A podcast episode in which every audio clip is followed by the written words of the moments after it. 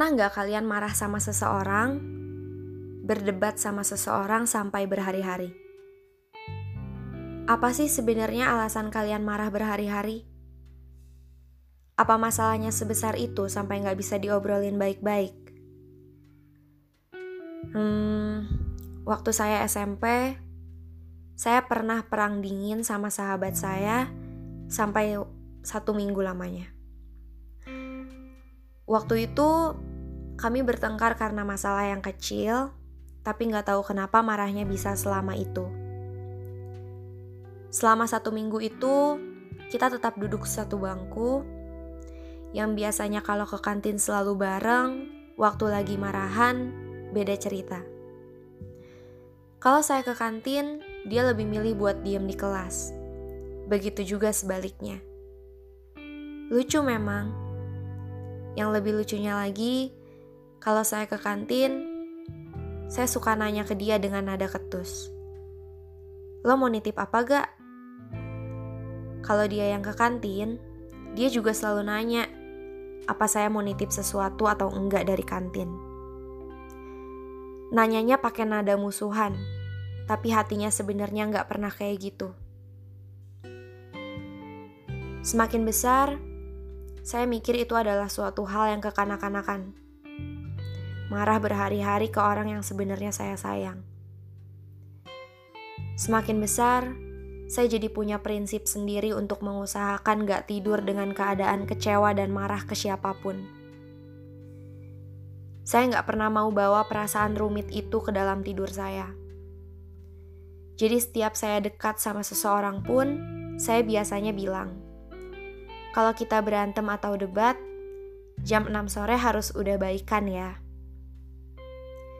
Semakin besar juga, saya semakin sering bilang, udahlah, bukan hal yang harus diperdebatin kok.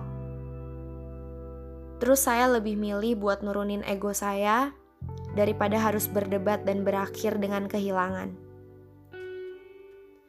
Jadi, jangan pernah tidur dengan membawa rasa kecewa dan rasa marah itu.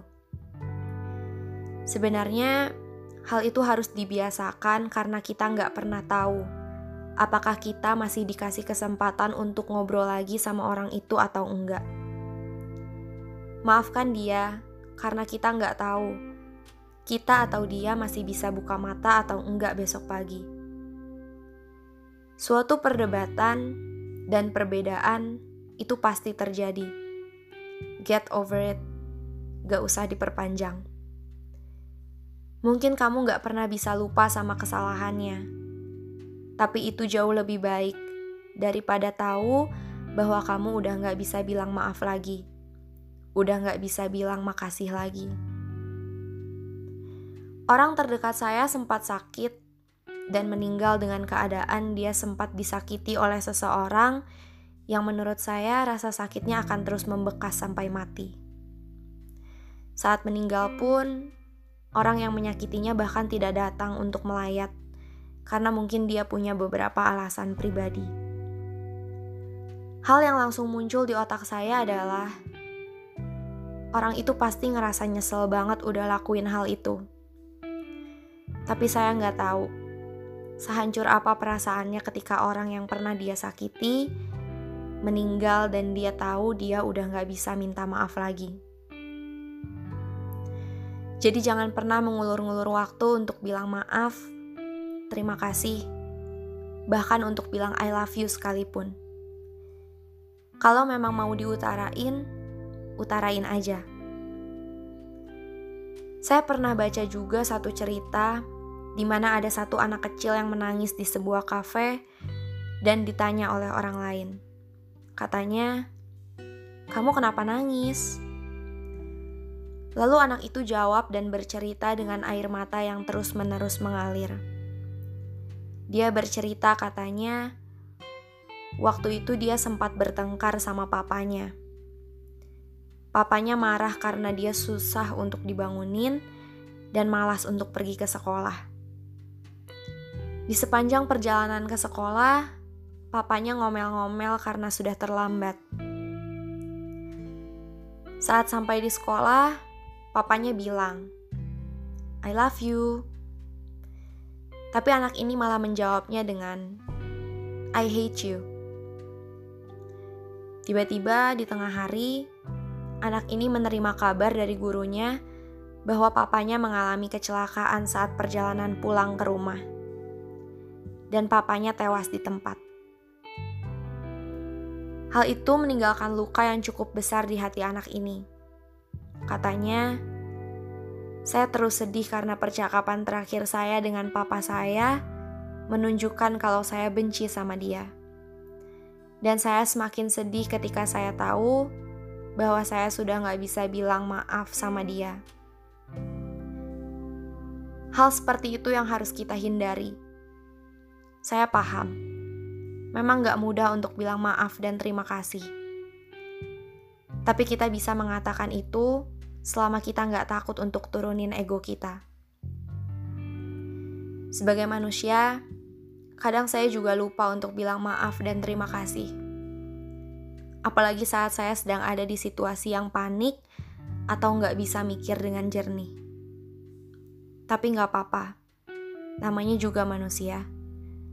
Manusia berhak kok bersikap manusiawi sekali-sekali. Dari awal, saya lebih banyak ngajarin soal maaf ya, daripada terima kasih. Padahal sebenarnya, saya sedang belajar. Saya sedang belajar mengganti kata maaf menjadi kata terima kasih. Seperti jauh sekali perbedaannya memang. Tapi percayalah, akan lebih menyenangkan ketika mendengar kata terima kasih daripada maaf. Contohnya, saat saya membuat orang lain menunggu, daripada bilang, "Maaf ya, saya terlambat." Mungkin saya akan berusaha untuk lebih banyak bilang terima kasih. Seperti, "Terima kasih ya sudah menunggu saya." Ketika saya harus berpisah dengan seseorang yang sudah menjalani banyak hal bersama saya, mungkin biasanya saya akan mengatakan, "Maaf, saya membuang waktumu selama ini." Tapi sekarang saya akan berusaha untuk menggantinya jadi, "Terima kasih ya, kamu sudah pernah menjalani itu sama saya. Saya bersyukur menjalaninya sama kamu." Perbedaan tersebut ternyata membawa pengaruh yang cukup besar. Mungkin gak cuma saya yang harus mulai belajar merubah pola pikir itu, tapi kalian juga. Pola pikir baru itu bisa mengajarkan kita bahwa gak setiap kesalahan harus diselesaikan dengan amarah dan rasa kecewa. Tapi bisa juga kita selesaikan dengan rasa syukur dan terima kasih. Terkadang kita memang suka lupa untuk bersyukur. Kita juga cenderung menunggu permohonan maaf dari orang lain dan penyesalan dari orang lain daripada rasa syukur. Padahal kita tidak pernah kekurangan kata cukup. Kita selalu memilikinya. Jadi mungkin di akhir podcast ini saya cuma mau bilang Terima kasih ya. Untuk apa? Ya, terima kasih aja. Terima kasih sudah ada di bumi. Terima kasih sudah mendengarkan. Terima kasih selalu sudah ada. Jadi, terima kasih ya.